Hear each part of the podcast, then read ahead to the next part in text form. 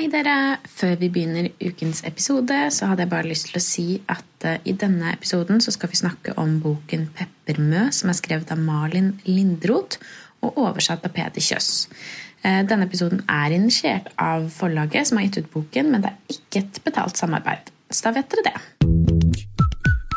Hei, og velkommen til Femihelse, en podkast om kvinnehelse fra A til Å. Og jeg heter Helene. Og jeg heter Sigrun. Og vi har startet denne podkasten fordi vi mener at det bør snakkes mye mer om kvinnehelse. Så la oss snakke. Hallo, Sigrun. Hei, Helene. Hei i stua. Hei. Hei i stua. Da er vi endelig i gang med et opptak til. Vi hadde jo en sånn, vi har hatt noen rare uker med opptakene våre hvor ting har blitt litt avlyst og kansellert og teknisk svikt. og Det er nesten bare føltes litt som at vi ikke skulle gi ut en episode på en stund. Ja, det var... Ting har jobbet litt mot oss, rett og slett. Ja. Bank i bordet, så klaffet det nå. Så det var deilig. Um, og det er jo egentlig nesten litt sånn passende den oppladningen vi har hatt til å spille inn denne episoden, at ting har gått litt galt. fordi det er jo en, er jo en del ting med korona som eh, absolutt gjør at ting kan gå litt fortere galt, når man må forholde seg til teknologi og ikke bare den derre eh, agiliteten vi har når man møtes og kan få hjelp av en lydtekniker og få hjelp av liksom, det systemet rundt seg, så plutselig er man helt sånn der prisgitt at eh, alt bare faller på plass med alt fra internett til øretelefoner til ja. Så ja, Det var nesten, nesten sånn det føltes ut som det var meningen, men eh, forhåpentligvis ikke. Nei, forhåpentligvis ikke. og du, Siggen, sitter nå i myk, myk ull. Du har hatt hjemmekontor i dag. Ja, jeg liker at du jeg så det. ja, ja, ok. Det var en, sånn, det var en hiccup på lyden her. som det hørtes plutselig ut som Oh, ja. Det var en hiccup, men jeg, jeg, tenker at vi benytter den hiccupen til å introdusere deg, Peder. ja. ja, ok, flott. Ja. Perfect hiccup. Så flytende er vi her i Femihelse. Mm, så når du først lager en lyd, så er The Milk is Spilled. Og velkommen mm. til oss, Peder Kjøs. Veldig hyggelig å ha deg her i Femihelse. Takk for det. Veldig hyggelig å være her etter hvert. Vi har strevd litt for å få det til, men det er kult å være her. Ja, Så bra. Ja, og du er jo superfleksibel. Hver gang vi, vi har liksom avlyst eller utsatt, eller det har blitt noe, så bare ja, ja, det går bra neste gang. Vi finner en løsning. Åh, det er så deilig. Alt som er avlyst, vet du, det slipper man å gjøre der og da. Så det er så deilig. Så bra. Men eh, Peder, ikke, de fleste vet jo eh, sikkert at våre lyttere vet nok hvem du er, men kanskje du kunne gitt en introduksjon av deg selv og litt om din bakgrunn? Ja, jeg er psykolog, da. Det har jeg vært siden 1997, så det begynner å bli fryktelig lenge. Så jeg har jobba med mange forskjellige ting, men de seinere åra har det vært veldig mye sånn eh, Formidling liker jeg å tenke på det som. Det, det er eh, mye media, mye eh, som foredragsvirksomhet, sånne ting. Så jeg lagde den der TV-serien som het Jeg mot meg, i to sesonger. og var med på det. Så etter det så har det egentlig vært veldig mye sånt, da. Mm. For det, det, den, ja, den slo litt an, faktisk. Så det var ganske spennende. Ja. Og så har jeg laget en, podcast, en terapipodkast som heter Hos Peder. Og så holder jeg på med en podkast nå eh, som heter God bedring. Ja. Det er så fint. Og... Det har også blitt noen bøker og noen greier. Jeg skal ikke mase om um, tingene mine. Det er så pinlig ut. Hver gang jeg blir bedt om det der og sier jeg kan ikke introdusere selv, så Ah, jeg har ikke lyst til å nevne Uff, nei, det høres Men det er jo Ja, men kan ikke du i hvert fall nevne eh, boken som eh, handler litt om det eh, vi, Eller ja, på en måte handler litt om det vi skal snakke om i dag, i hvert fall så folk vet at du har skrevet den? ja, jeg skrev en bok som het Alene, som kom ut eh, akkurat da pandemien kom ut, holdt jeg på å si. Så, um, så det passer jo bra. Og, men det temaet der um, uh, henger jo sammen med dagens bok, da, mm. som jeg har oversatt. Uh, Malin Lindroths uh, 'Peppermø'. Mm. Den første oversettelsen jeg har gjort, så det var veldig gøy i seg sjøl. Så um, ja, så jeg tenker jo at den er egentlig en fin og naturlig forlengelse av et tema som jeg har vært opptatt av lenge. Mm. Og så er den veldig god, da. Så det var morsomt å holde på med. Ja, Det er så spennende. Og når vi snart nå skal komme inn på hva det temaet er, så skal jeg si sånn, jeg har hatt uh, min egen type oppladning. For når jeg tenker på ordet peppermø, så tenker jeg på noe veldig veldig gammeldags. Mm. Så de siste dagene så har jeg hørt på Kristin Lavransdatter på lydbok, bare for å liksom komme inn i the state of mind på mine assosiasjoner. komme inn i menneskenes hjerter er til alle tider i samme modus. Ja. Men eh, for å ikke snakke for mye om mine assosiasjoner, som er litt feil, eller i hvert fall ikke helt på linje med hva denne boken handler om, så kan ikke du begynne med, Peder, å fortelle oss litt om, om dette Hva som ligger bak dette begrepet peppermø? Ja, på norsk så er jo peppermø det er jo en dame som har runda 30 uten å være gift, ganske enkelt. Og, og det er noe sånn litt nedsettende, men ikke så nedsettende heller. Peppermø, det er litt sånn, ja Eh, inntørka gammel tante, eh, frigid, eh, sikkert lesbisk. Det ligger litt sånne konnotasjoner der, men det er ikke så strengt i norsk sammenheng, egentlig. På svensk så er originaltittelen Nukkan. Og det har jeg skjønt at nukka det er en mye mørkere, mye styggere da, ord enn peppermø.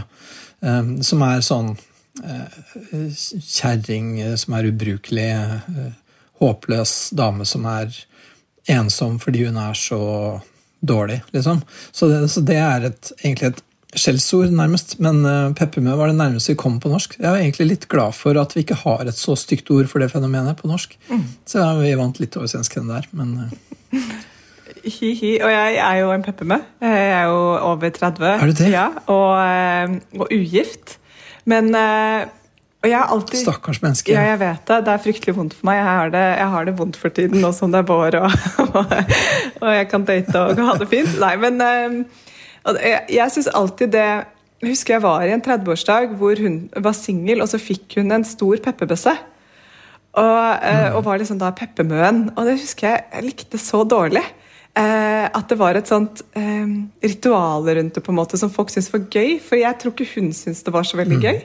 Um, så den, den har allikevel Det der å fylle 30 tror jeg for mange kvinner er eh, eller for alle menn og kvinner og, og, alle kjønn, at det er jo en milepæl, men nettopp kanskje en sånn milepæl hvor man hadde sett for seg som 15-åring at når jeg er 30, så har jeg fire barn og, og bor der og der og er ja, gift. Og, fire, faktisk. Ja, ja, Man skjønner jo ingenting om hva, hva, livet faktisk er, men man ser det for seg. ikke sant? Og så, og så hvis man da, Så 30 er en litt sånn eh, kanskje litt sånn sårbar alder å runde hvis man er singel. Eh, fordi man kanskje så for seg kanskje at man ikke skulle være akkurat der. da. Eh, mm.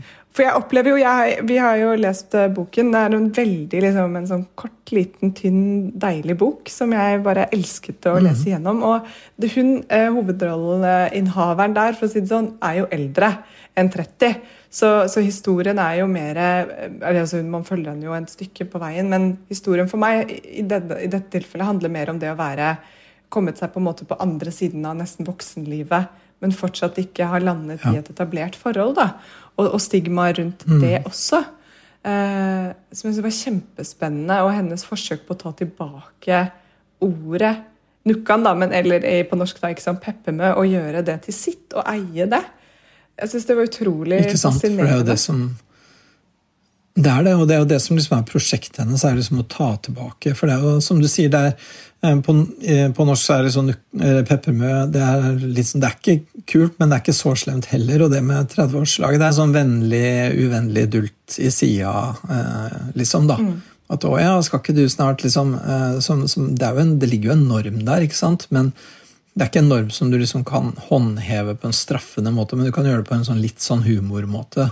Litt sånn humor som egentlig ikke er så gøy for den det går utover. da. Så det er jo en sånn normbærende ting der. ikke sant? Og det er akkurat det normbærende som er enda strengere i Nukkan, selvfølgelig, og som er derfor eh, hun, eh, Malin Lindroth, har lyst til å ta det tilbake. På samme måte som andre har tatt tilbake eh, stygge ord da, og bruker dem om seg sjøl. Ja, både N-ordet og andre ord som man har, har vært brukt som skjellsord, men som mister i sin kraft hvis man bruker det sjøl. Ja, litt som fitte, da. Som eh, at man eh, Mange kvinner prøver å bruke det heller som et, liksom et power-ord enn at det skal være et skjellsord. Ja. Mm. ja, ja, og det, og det hadde jo eh, Vi kunne jo ikke kalle boka fitte, for ville, da ville boka handla om noe helt annet. Det ville vært en annen bok, ikke sant. Mm. Men eh, ja Bring it on. Den bør skrives, den også. Men Peder, kan ikke du Steam, altså, ja. Det er jo en svensk tradisjon. Fit Steam var jo også en sånn bok. Ja, ja. For det var, det var, jo en som uh, klarte å kalle liksom, feminister for en fittesteam. Da, ikke sant? Og så bare tok de det ordet og kalte det en bok for det. Det var så tøft gjort. Mm. Ja, Det er kjempefint. Men Peder, kanskje du kan ta oss litt gjennom eh, arbeidet med denne boken? For du har vel, Det begynte kanskje med at eh, forfatteren selv tok kontakt, eller forlaget? Og så Nei. Nei? Nei da, det begynte med at jeg eh, møtte disse fra forlaget egentlig på litteraturfestivalen på Lillehammer. Og så drev jeg og skravla og drakk og hadde det gøy. Og så begynte vi å snakke om bøker, deriblant eh, denne, da, som eh, ble veldig anbefalt. Så, eh, ja, så leste jeg den, og så fikk jeg egentlig bare rett og slett veldig lyst til å oversette den. Fordi jeg tenkte at den her burde jo så finnes på norsk, og så tenkte jeg ikke være moro å oversette. liksom. Så, så, så jeg er egentlig litt sånn Oi sann, snubla inn i det. Det er litt sånn, altså. Mm. Hvorfor følte du at den burde finnes på norsk? Fordi jeg syns at prosjektet var så bra. Jeg syns det er så bra det der å ta eh, der, å ta det skamordet og, og eie det. Jeg syns det er en god idé, liksom. Og så var det litt sånn at Jeg har i grunnen ikke tenkt på det før. Så, så jeg syns at det var eh, en litt sånn vekker for meg sjøl. Hvorfor har jeg ikke tenkt på det? At, at, det ordet egentlig ikke er noe gøy, liksom. Um, og så syns jeg bare rett og slett at boka var veldig underholdende. Da. Den er veldig bra, den er veldig godt skrevet, veldig morsom. ikke sant? Mm.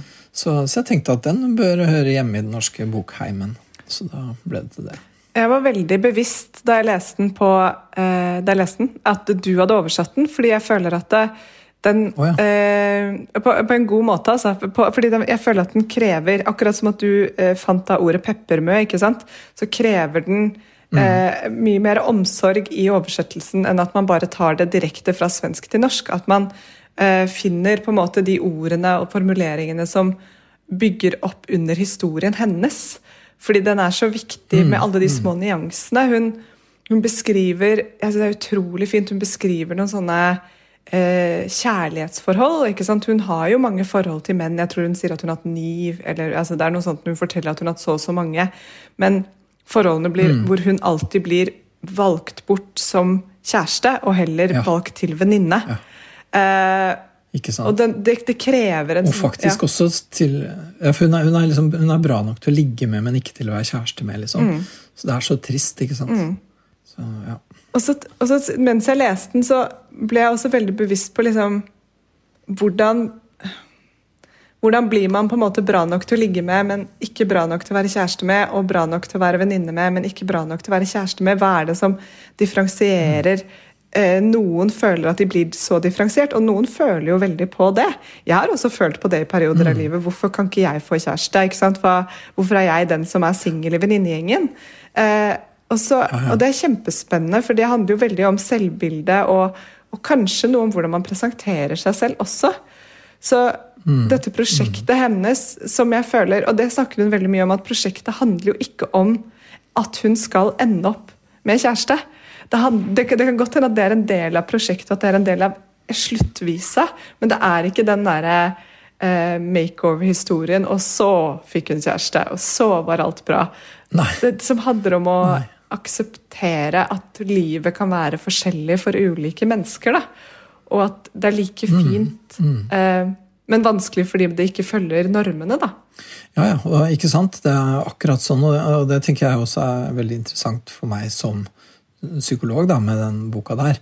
At, hva er greia? Hvorfor får hun seg ikke kjæreste? Og så hun er jo, hun er jo liksom interessant og smart og spennende. Hun er kanskje litt sånn, kanskje litt kantete personlighetsmessig. Litt sånn skarp i kantene, liksom. Men det er mange som liker det. Jeg syns det er kult. Det er Damer som har litt edge, liksom. Det er mange som syns det. Man trenger ikke være bare superhyggelig hele tida heller. ikke sant? Eh, men det framgår jo også at hun rett og slett ikke er så veldig pen. Da. Hun oppfyller ikke den der vanlige pen-standarden. Og det blir gjort veldig tydelig for henne veldig tidlig i livet.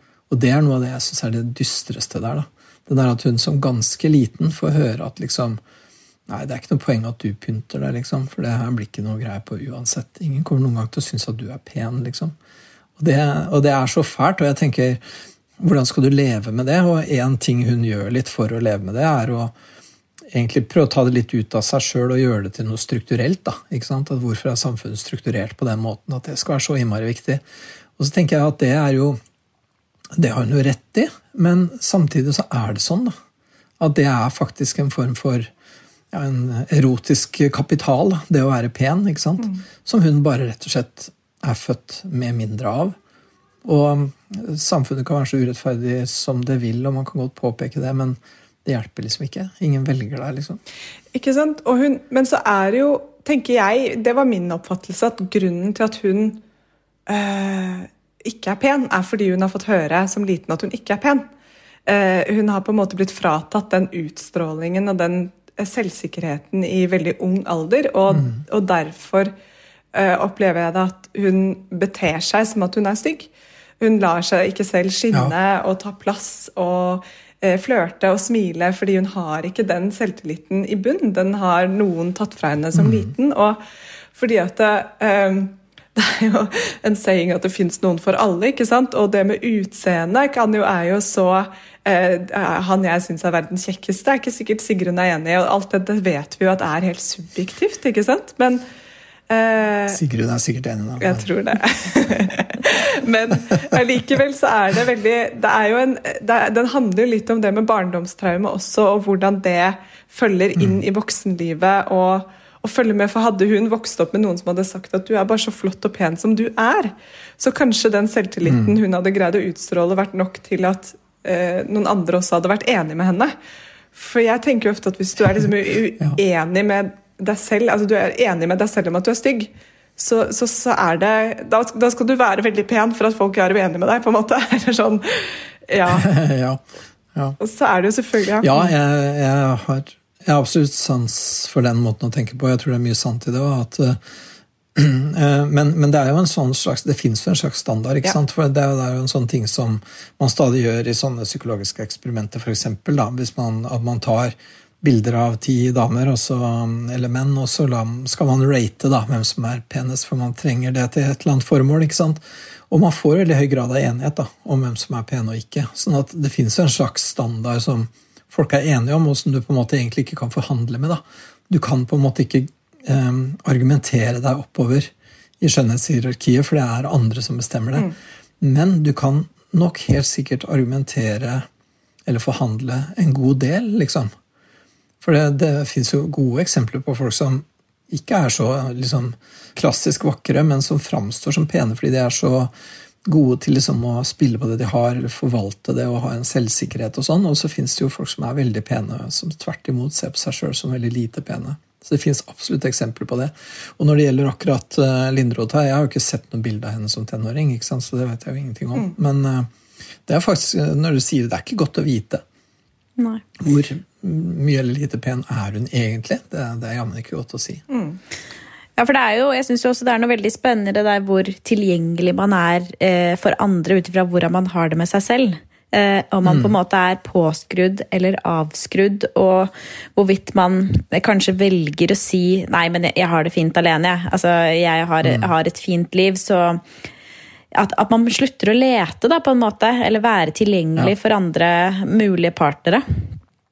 Det tror jeg absolutt. Og, og, og, der, og, da skrur man jo av det som det som jo ligger i dette her, som vi snakker om, eh, handler jo om sjarm. Det litt upresise begrepet Sjarm som kanskje egentlig er ganske presist likevel. At noen har jo sjarm fordi de er vant til å bli tatt godt imot, er vant til å liksom bli sett på med et vennlig blikk rundt, sånn at de forholder seg med den forventningen. da.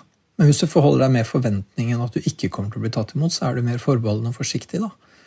Og det, det syns jeg at jeg ser eh, ofte i, eller som terapeut, da, med både damer og menn som ikke får det til helt på sjekkemarkedet, ikke sant? og som begynner å lure på er jeg ikke noe ålreit, er jeg ikke noe pen, liksom? Og så sitter jeg og ser dem, herregud, det er ikke noe gærent her, det er et vanlig menneske, liksom.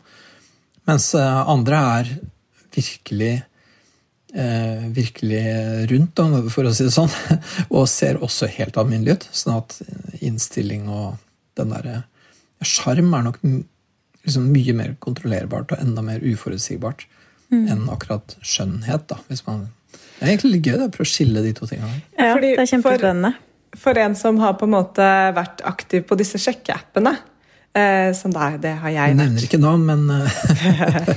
ja, jo, men eh, Og da har jeg jo lært at eh, det er kjempeviktig å Eller altså det, det, det, inntrykket jeg har av å se på fire-fem bilder, endrer seg ofte spontant mm. i det øyeblikket jeg møter personen.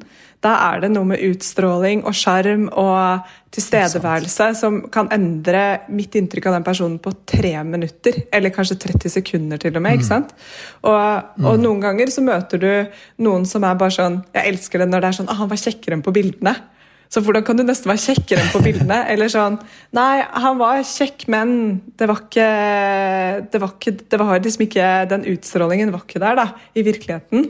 Um, mm. Og det er jo også en veldig sånn det er jo en, er en flytende liksom, del av det som er veldig eh, spennende. og jeg en annen ting jeg tenkte på da jeg leste den boken, også handler om det med grensesetting. Fordi at hun har et, et såpass eh, dårlig selvbilde på nettopp det ytre, så tillater hun jo også å gå inn i en del relasjoner hvor hun ikke setter grenser, og hvor hun ikke på en måte krever å bli behandlet som en framtidig kjæreste, eller hvor hun, hvor hun, tillater å bli behandlet rett og slett ganske dårlig fordi det er det hun tenker at det er det hun det fortjener.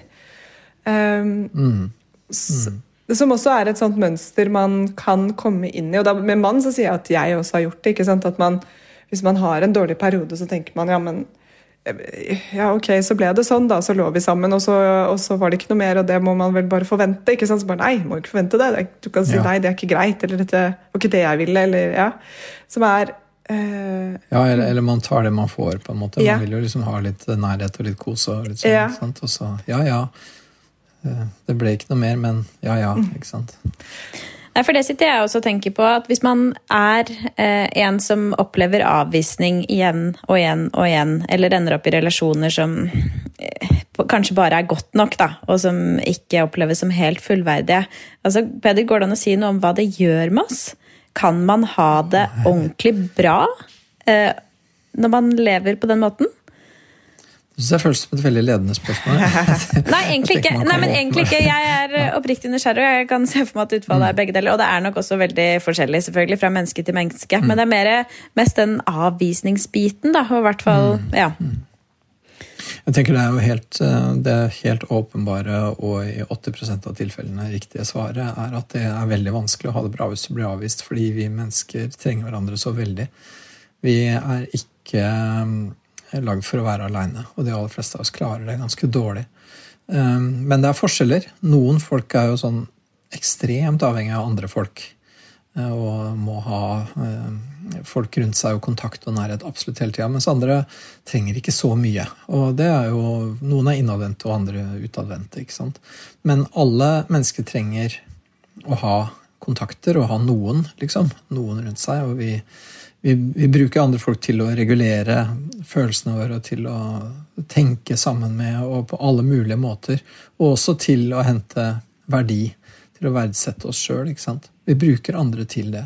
Så det å ikke ha det tilgjengelig, og, eller det å ikke ha det tilgjengelig på en god måte, da, hvis du bare er blant folk som ikke gir deg det på en god måte, så er ikke det bra. ikke sant? Og det, det er mye av det jeg skriver om i den aleneboka mi. da, De liksom skadelige virkningene av å være ensom. ikke sant? Mm. Mm. Og ensom er jo ikke det samme som aleine. Man kan jo være sammen med folk, men det er folk som da, hvor de, de kontaktene ikke er dype og gode, så, så, kan du egentlig være veldig ensom likevel. Mm. Alle tristeste er jo folk som er ensomme i parforholdet sitt, selvfølgelig. Mm. Så det er ikke uvanlig, for å si det. Nei, og mye av dette kan du jo selvfølgelig få dekket gjennom vennskap og familie, men den mm. fysiske biten får du jo ikke dekket, da. Eh, I hvert fall nei, nei. ofte ikke, kanskje, i like stor grad som hvis du har en partner. Mm. Og det er veldig eh, interessant, for det rent fysisk er jo også veldig, veldig eh, viktig for de aller fleste av oss. Men der var forskjellen stor, da. Noen vil ha liksom kroppslig nærhet veldig mye, mens andre er mindre avhengig av det, liksom. Eh, men eh, kanskje særlig i liksom ungdomstida. Jeg syns det er veldig spennende. Det, ja, det, er kanskje litt sånn fælt å gå dit, men i, eh, jeg skrev en bok som het 'Berøring' i 2018, og der har jeg et kapittel om Anne Frank. Og hun er jo veldig der, ikke sant. At hun skriver så fint om den derre trangen til å bli berørt og til å ha fysisk nærhet. Og helt sånn på et akutt plan så savner hun nærhet med mora si. ikke sant?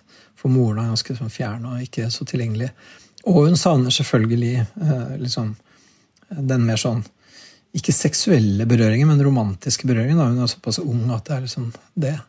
Um, så, uh, så, hun har for meg vært uh, en sånn veldig viktig uh, lesning, syns jeg, om akkurat det der med den herre liksom, hudsulten, da, som noen forskere kaller det, eller touch hunger, som det heter opprinnelig.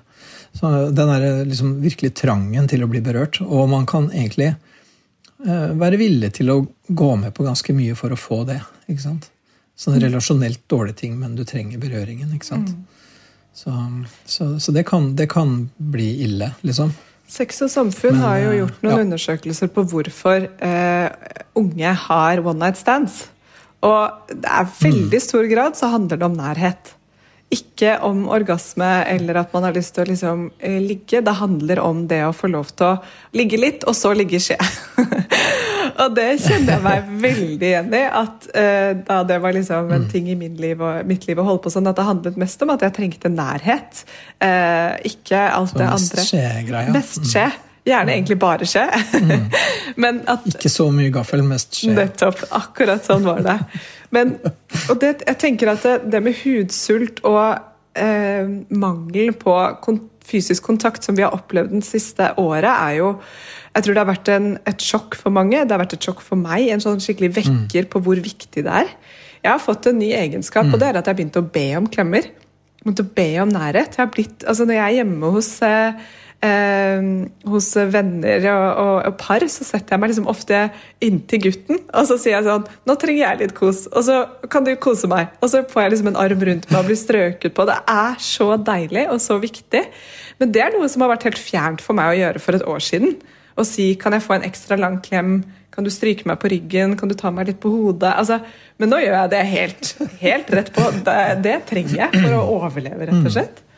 Um, og det hjelper. Syns venninnene det er kult, eller at, eh, at, de låner gjerne ut gubben? Veldig. Eller? Jeg tror det. Ja, men faktisk. Det, det å, å, liksom skape mer rom for liksom berøring og kjærlighet og omsorg, det er jo Det vokser jo bare med det. Mm. Så jeg har i hvert fall ikke fått noen negative kommentarer så langt. Blir ikke invitert tilbake, da, men, ja, eh, men det høres bra ut. Ja. ja, men det høres bra ut. For jeg, for jeg tenker det er, det er også, ja, litt grunn til at jeg spør. Det er fordi at det her det blir jo så lett, Når det er med voksne folk, så blir det så innmari lett forveksla med seksualitet. ikke sant? Mm. Og det henger jo selvfølgelig sammen. Det er jo ikke bare det, det er jo mye mer. ikke sant? Mm. Og det, den tror jeg er litt sånn glemt. Jeg tenker bare på sånn som eh, en sånn ting som jeg sjøl setter pris på. Å være på, å være på en skikkelig sånn uh, metal-konsert på Rockefeller, ikke sant? Mm. Med den der mølja foran uh, scenen der. Ja. Og bli pælma rundt med kjempehøy lyd og kropper overalt. Det er liksom og det er, jo ikke Herregud, det er jo ikke seksuelt, liksom. det, eh, eh, så men det, men det, er sånn som jeg husker fra langt tilbake, helt da jeg gikk på Metallica-konserter på 80-tallet. Liksom, at det der mølja, liksom. Det er så digg. Ja, Moshpiten, den er deilig. Jeg er helt enig. Jeg hadde en opplevelse mm to uker siden, eller det var, en, det var en av de første sånn ordentlig varme vårdagene. Hvor uh, det var så mye mennesker som satt ute i Sofienbergparken. Og så gikk jeg gjennom Sofienbergparken med en kompis. Og så stoppet vi midt i parken, og så kjente jeg liksom hvordan lyden av masse mennesker sånn vibrerte inn i brystet mitt. Mm. Jeg ble helt sånn der, jeg sto bare stille og bare tok det inn, at det var mennesker rundt meg, at jeg hørte dem. Det var helt å, Jeg ble sånn ladet av å stå og kjenne på det. Det var kjempedeilig. Mm. Um, så det, så, og, og det har, jeg mener at det har blitt veldig underkommunisert i denne Vi har fått veldig mye mm. kommunikasjon rundt hvordan unngå viruset, men veldig lite kommunikasjon på hvordan overleve uten andre mennesker og berøring. Og jeg syns ikke det har vært riktig mm. håndtert. Jeg syns det har vært skikkelig dårlig håndtert. Det må jeg si. At vi har, eh, og jeg, og jeg skal ikke være noen konspirasjonsteoretiker eller gå den at korona er ikke det verste, og sånn, for det er det. Det er helt jævlig. men det er, eh, det er blitt et glemt aspekt, og som, som, jeg tror også kommer som et sjokk på alle politikerne. og sånn at oi shit, det, det måtte vi kanskje også tenke litt på. Ja. Um, da er det på en måte Løsningen på det har vært å gi liksom 20 millioner ekstra til eh, hjelpetelefoner. Som er bare sånn great, men uh, det er litt sent når man må ringe dit, på en måte. Eller det er det ikke, men uh, Ja, de burde, ja. de burde hatt sånne, de burde hatt sånne fullvaksinerte kosere som ja, gikk rundt uh, Pjuskere. Det har vært kjempefint, for det må jo være farlig, tenker jeg, i mange tilfeller å liksom gå over et år uten, uten, nærhet med noen. Det er jo sinnssykt lenge. Det er veldig lenge. Og, og, særlig når man er på en måte ung da, og er liksom i den derre eh, hvor det du lengter mest etter, er liksom å knytte deg inn i, et, i en nær relasjon til noen. Mm. Um, så, men ellers så er det jo ikke helt ukjent, da, det der med uh, å være lenge uten kroppslig nærhet. Det er jo noen som oppsøker det også. Munker og sånne ting. og liksom et av favoritteksemplene mine er sånn eh, fangstmenn på Svalbard ikke sant? som er innsnødd i en sånn liten hytte, og det eneste kroppskontakten de har, er at de flår isbjørner. liksom. Det, som vi så, vet om, da. Og, det kan jo godt hende at de gutta hadde mer kroppskontakt enn det. de bodde nokså langt fra hverandre. oh, ja, ok, Greit, de var én og én, men da, skal, da er det greit. ja, ja, men ikke alltid, og der tror jeg faktisk at du har poeng. Altså, det var ikke alltid det kan, nok, det kan helt sikkert ha vært litt sånn Brokeback Mountain på Svalbard. Jeg tror, jeg vil håpe det for deres del. Ja, noe annet ville vært rart. Mm. Noe annet ville faktisk nesten vært litt rart. Mm. Så, men, eh, men, det er jo eh, Ja, det å være sånn helt uten berøring, det er jo noe som noen oppsøker. Også som, for, for eksempel som en del av en slags sånn asketisk, religiøs greie. Og, sånn, og da er det jo for å komme inn i en annen type bevissthetstilstand, nærmest. Og det sier jo noe om hvor viktig det er. da at hvis du manipulerer med det, så blir allting litt rart. liksom. Mm. Og, og, liksom, litt det vi snakket om i sted, det at som voksen så kan den energien når du ber om kroppskontakt, fort bli seksualisert. ikke sant? Men eh, mm. den ikke-seksualiserte kroppskontakten For det er, det er altså, det er forskjell på det å være singel og ikke ligge med noen på et år, men, og det å ikke få klemmer av noen. ikke sant? Der, jeg, jeg, jeg, tror de, Mange kan gå helt fint uten å ha sex med en annen partner, det er greit. Men det der å ikke liksom, ja. som du sier, ikke være på Metallica-konsert engang, ikke kjenne liksom personen ved siden av deg på trikken, eh, eller liksom få mm. den hadeklemmen når på en måte middagen er over, det er brutalt da, på et sånt nytt nivå som, som gjør at vi ja, er, vi, er ikke, vi, er ikke, meningen at vi skal leve sånn. Um, Nei. og jeg husker, jeg husker, helt på førsten, eller ganske tidlig i pandemien og han, Bent Høie han kunne jo liksom ikke annet enn å si at han hadde forståelse for det. At folk trengte en klemmevenn. liksom. Mm. Så, så, det var litt sånn derre Ja, ok, da, men ikke si det til noen. Det var litt sånn, liksom. det var faktisk skikkelig For Han, han, skjønner det jo, og det, og det, er jo Det er liksom feil, men herregud, da. Vi kan ikke kjøre så streit, liksom. Ja. og, så, så, jeg tenker at den linja egentlig er litt riktig, da. For det er jo forferdelig viktig, og det er farlig og alt det der, men um, uh, Men man kan faktisk ikke gå helt uten. Nei, man kan ikke det. Og, og, Det blir jo så trist å snakke om, for jeg tenker at én ting er de unge, men også de eldre ikke sant, som har sittet på eldrehjem alene mm. lenge. og hvor alle de møter er med plasthansker og munnbind. Eh, det er bare mm. helt hjerterått. Eh, men eh, som vi sier i hver episode vi spiller inn nå, vi begynner å komme mot slutten av liksom, denne kneika. Og vi skal ikke lage dette til en koronaepisode, men, men allikevel, det er, jeg synes det er skikkelig viktig at hvis du sitter og hører på dette nå og kjenner deg veldig igjen og tenker at du trenger mer, nærhet og omsorg, så er mitt heteste tips å bare tenke at det fortjener du, og nå er det på tide å gå og be om det. Og om det er om du ber om en lengre klem fra moren din eller venninna di eller kjæresten til venninnen din, så bare go for it, liksom. Det er helt legitimt å kjenne på disse tingene nå, og bare be om det. Mm. Uh, ja, det er uh, og det er ikke seksualisert. Det er, en sånn barnlig, det er et barnlig behov for kroppskontakt. Da. Det å ligge liksom tett inntil noen. Det er ikke det er ikke forbeholdt seksualitet i det hele tatt. Det er forbeholdt bare å, å være levende. Så mm. Mm. Men ja, peppermøen vår hun eh, fikk jo tatt dette begrepet og, og vasket det for skam for seg selv. Og, og fikk jo eid det ganske fint, syns jeg. Eh, mm. Som er kjempespennende og en bragd i seg selv, for det er mot alle normer og forventninger at du skal kunne eie noe sånt. da, e-, Eie et, et stigma på den ja, ja. måten. Men hun Ja, ja og jeg, jeg syns jo egentlig at boka også ender ut litt vetydig, syns jeg. da. Jeg syns at hun på en måte både lykkes og ikke lykkes helt. Mm. Eh, for jeg får, jeg får, litt sånn følelsen når jeg sitter og leser, at det er litt sånn Det er litt tilstreba også. Det er, ikke så, det er ikke egentlig greit. Eh, men det syns jeg på en måte egentlig er bra. Da. Altså, for det er ikke sånn derre Ja, og så begynte jeg å kalle meg det, og dermed så var alt greit. For, for sånn er det jo ikke, ikke sant? og alle skjønner det.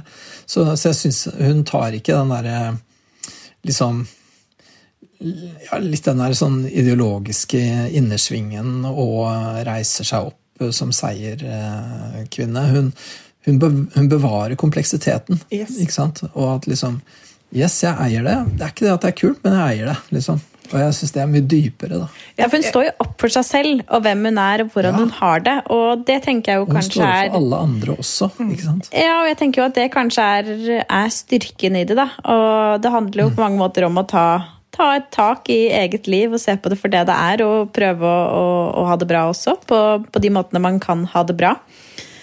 Ja, ikke sant? Og så ordner det seg på en måte ikke, men hun, hun på en måte Ja, ja dette er min smerte på et vis. Hun, det, bevarer det jo som et smertepunkt. Det er jo ikke sånn at det plutselig er greit. Jeg, jeg fikk en veldig sånn følelse av at hun slår et slag for at man har gode og dårlige dager. Eh, og at noen dager så eier man det, og andre dager eier du det ikke. Eh, og en parallell jeg liksom hørte, hørte veldig sånn, eller som, som resonnerte i meg, er nettopp f.eks. med kroppspositivisme. At man en dag eier på en måte uh, de ekstra uh, kiloene sine, eller de for få kiloene sine, eller hva enn det er. Mens en annen dag så gjør man ikke det. Men at, men at mindsettet er at man er positiv til seg selv. Og at, man, at det er veien man ønsker å gå, men det er ikke hver dag du står knallstøtt i det. Og det er helt greit, det også, som du sier, at hun er nede i det liksom såret og pleier det og healer det, og at det kanskje blir en mindre større altså Det blir ikke en så stor del av livet hennes da, når hun konfronterer det sånn som hun gjør, og så etter hvert så liksom er det bare ja, det er bare en, en, en, en skyggeside av henne, en del av henne. da. Ja, og, ja, og det, er en, det er en del av livet som bare er sånn. En sånn annen historie som Jeg, jeg har egentlig ikke helt tenkt på at den er parallell før akkurat nå, men um, en av de jeg har i den terapipodkasten min da, hos Peder, det er en jente som er blind. eh, og er født blind og har liksom hatt veldig som prosjekt at det skal ikke være et problem, det skal være greit. på en måte. Fordi at alle rundt henne trenger at det er greit. For, for foreldrene hennes og sånn, så er det så fælt hvis hun har det vondt med det. De vil helst at, det skal, at hun skal mestre og hun skal være flink, og det skal ikke være noen hindring. og sånn, ikke sant? Men liksom, hallo, du er blind, du ser faktisk ikke noe. Det er en hindring. ikke sant? Det er et problem, det er ikke kult. Og når hun liksom begynner å på en måte eie det litt, da, at det er ikke greit, og hun på en måte litt tvinger folk rundt henne også til å ikke bare se henne som mestrende og fantastisk og super, som hun jo er, men også som en som skikkelig skikkelig savner det å kunne se. sant? Og det er så mye mer komplekst, og det er så mye bedre, tenker jeg, da, enn det å, enn det å liksom skulle være sånn derre eh, happy, sånn glad handikappa, på en måte. ikke sant? Mm. Alle kjenner jo den der. Det er en sånn det er, det er en sånn eh, måte å være på som egentlig er vanskelig å tro på. At, så gøy er det ikke, liksom. Nei, og jeg, eh, det der, jeg kjenner meg igjen i det at jeg ikke har lyst til at folk rundt meg skal synes synd på meg eller skal tenke at jeg har Nettopp. noe er vanskelig. Og at jeg da, men det å tørre å tvinge de rundt deg til at de må holde sorgen eller eh, det du er lei deg for, sammen med deg. Og si at vet du, men det går bra, vi kan tåle det vi som gjeng her, at jeg syns det er trist. Noen dager, noen ganger, noen Nettopp. stunder. Og hvis dere er med på å holde det, så er det mye lettere for meg. Da er vi flere som på en måte kan være enige om at fader, ass, det, er, det er synd at akkurat det er sånn. Men ok, så er det sånn, da. Um, Ja, nettopp. Og, og det er den måten å eie det på, heller enn at det er så fantastisk. Og det er det hun gjør i denne PPM, og det har jo en gyldighet langt utover akkurat bare det å være ufrivillig singel. Og så tenker jeg også at det er veldig bra at hun er dame, på en måte, fordi det, det er, um, egentlig så Hadde hun vært mann, så kunne man fort liksom ha sagt incel, og man kunne ledd av henne, og man kunne sagt ja, ja, kle deg bedre, og sånn og sånn. ikke sant? Som man jo gjør, for overfor menn så er man mye mer nådeløs, på en måte, sånn sett. da.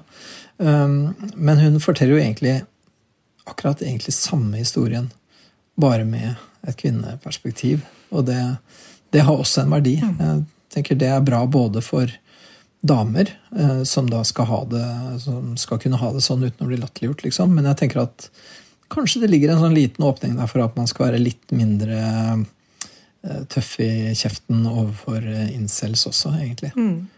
generelt sett være litt mindre tøff i kjeften overfor folk. Bare, ja. Ja, ikke sant? Ja. Bare tenke at hvis jeg Bare være litt sånn som man har det. Ja, og, og være litt Ja, taus. ikke sant? Ja. Ja, og så er respekt, da. ikke sant? Det er jo respekt for liksom egentlig livssmerte. Og, og, ja, og ja, det som du nevnte i stad, det med sånn body positive også, det, ja, ja, det er en god del ting som ikke er bra med å være kjempetjukk, liksom. Men du kan jo ha et godt liv, og så har du den sida også, ikke sant. Så, så, det er ikke alt som er gøy med det, liksom. Men, uh, men det er så komplekst det er. Det er så komplekst. Mm. Jeg lurer på om vi skal begynne å runde litt av, Sigrun, eller er det noe mer du sitter inne med? Nei, jeg tror ikke det. Det er kjempefint å snakke med deg, Peder. Veldig spennende. Det er, jo, altså, det er jo veldig mangefasettert, og det er veldig lett å trekke veldig mange andre paralleller. Jeg sitter og også tenker eh, ja, tenker mange veier når vi snakker om dette temaet, mm. men det syns jeg på mange måter er fint. At det er noe at det er forhåpentligvis en samtale som kan eh, være, føles relevant da, for de som hører på, litt uavhengig akkurat hvilken situasjon de er i livet, om det er peppermø eller ei. Mm. Altså, det syns jeg, eh, jeg, er skikkelig bra. Ja, og kjøp boka. Den er skikkelig, skikkelig fin bok. Gå inn og kjøp den. Den er, eh, Kos dere med den. Jeg syns den var en, en, liten perle av en bok som var gøy å lese. Så, ja. ja. Og jeg var også veldig eh, jeg synes jo, Det er jo de to som har uh, lagd dette her forlaget Brød og roser, da, som jo er et sånt navn med lange røtter i norsk feministisk historie. De har jo på en måte tenkt på den boka her sånn som en feministisk bok, noe det jo er på mange måter. ikke sant? Eh, så, så, så, de to, Jenny Dellegård da, og Madeleine Schultz, som har starta det forlaget sånn, egentlig litt for å kunne gi ut akkurat den typen bøker de syns er verdifulle og viktige. Jeg har, jeg har litt lyst til å liksom trekke fram at jeg syns det var kult av dem å la en um, mann da, oversette den boka. Ja, enig. Jeg tenkte tanken. Det, det, jeg, jeg var litt glad for det. Litt sånn nå i lys av den her litt sånn kanskje syns jeg ikke så innmari smarte diskusjonen som har vært rundt dette her, eh, amerikanske ja, det diktet på den, John, eller på den Biden-innsettelsen. Mm. Kan man egentlig oversette? Og, og jeg, jeg, tenker jo at selvfølgelig kan man det, for man kan jo forstå fordi at når, er, når ting er ærlig skrevet og det er liksom godt uttrykt, og sånne ting, så, så strekker det seg ut over alle kategorier. da. Og det er det jeg syns er så kult. at den boka her, ja, Man kan godt si at det er en feministbok, men det er jo ikke det. Det er en bok om å leve, det er en bok om å øh, om å ha en kropp og ha behov og være annerledes. og Det er liksom alt det greiene der, og det er jo universelt. ikke sant? Så, så jeg syns det, det, er veldig uh, ja, morsomt at de liksom har uh, valgt å gjøre det litt vanskelig for seg sjøl der. Skikkelig mye applaus og heiarop til Brød og roser for et fantastisk initiativ. Mm. Så ja. Mm. Så fint. Tusen takk, Peder. Takk. Jo, selv takk. Mm. Det var veldig hyggelig. Så dere får bare si ifra hvis det er noe. Så. Det skal vi gjøre. Kom, vi booker inn en dobbelttime. Vi. Masse fra oss. Takk til deg, Peder. Takk til dere som hørte på. Takk til familien, nei, hva heter det, forfatteren av Peppe Mø, Malin Lindroth og forlaget og alle sammen. Og så snakkes vi igjen neste uke, gjengen. Det gjør vi. Ha det. Ha det. Tusen takk for at du hørte på podkasten vår.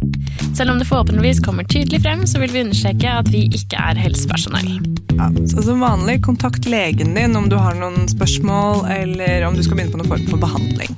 Og Har du et tema som du har lyst til at vi skal snakke om, eller noe ris eller ros, så send oss gjerne en melding på Facebook eller på Instagram. Der finner du oss under Femihelse. Mm. Og du kan gjerne rate oss på iTunes, det er skikkelig hyggelig for oss. Ha en fin dag. Ha en kjempefin dag.